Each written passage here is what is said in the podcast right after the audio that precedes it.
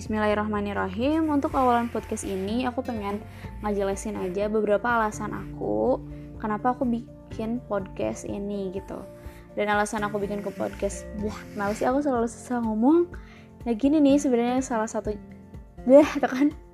Nah ini sebenarnya salah satu alasan aku bikin podcast itu supaya aku lebih lancar ngomong gitu dan lebih berani lagi karena biasanya aku itu adalah orang yang susah buat cerita gitu.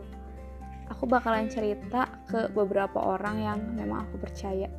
Tapi seringnya aku lebih merasa gak nyaman gitu. Lebih merasa apa ya menyesal ketika udah cerita gitu. Jadi aku pengen bikin podcast ini supaya aku bisa lebih berani buat cerita dan bisa ngefilter omongan-omongan yang aku keluarin dari mulut aku ini dari otak aku ini gitu supaya aku bisa lebih memperbaiki lagi public speaking nggak public speaking juga ya berarti kayak ya beberapa cara ngomong aku lah ya kalau misalkan ada yang mendengarkan selamat mendengarkan tapi mohon maaf kalau misalkan masih banyak kekurangan dan semoga bisa ngambil hikmah bareng-bareng ya dari setiap podcast-podcast yang selanjutnya bakalan aku tayangin.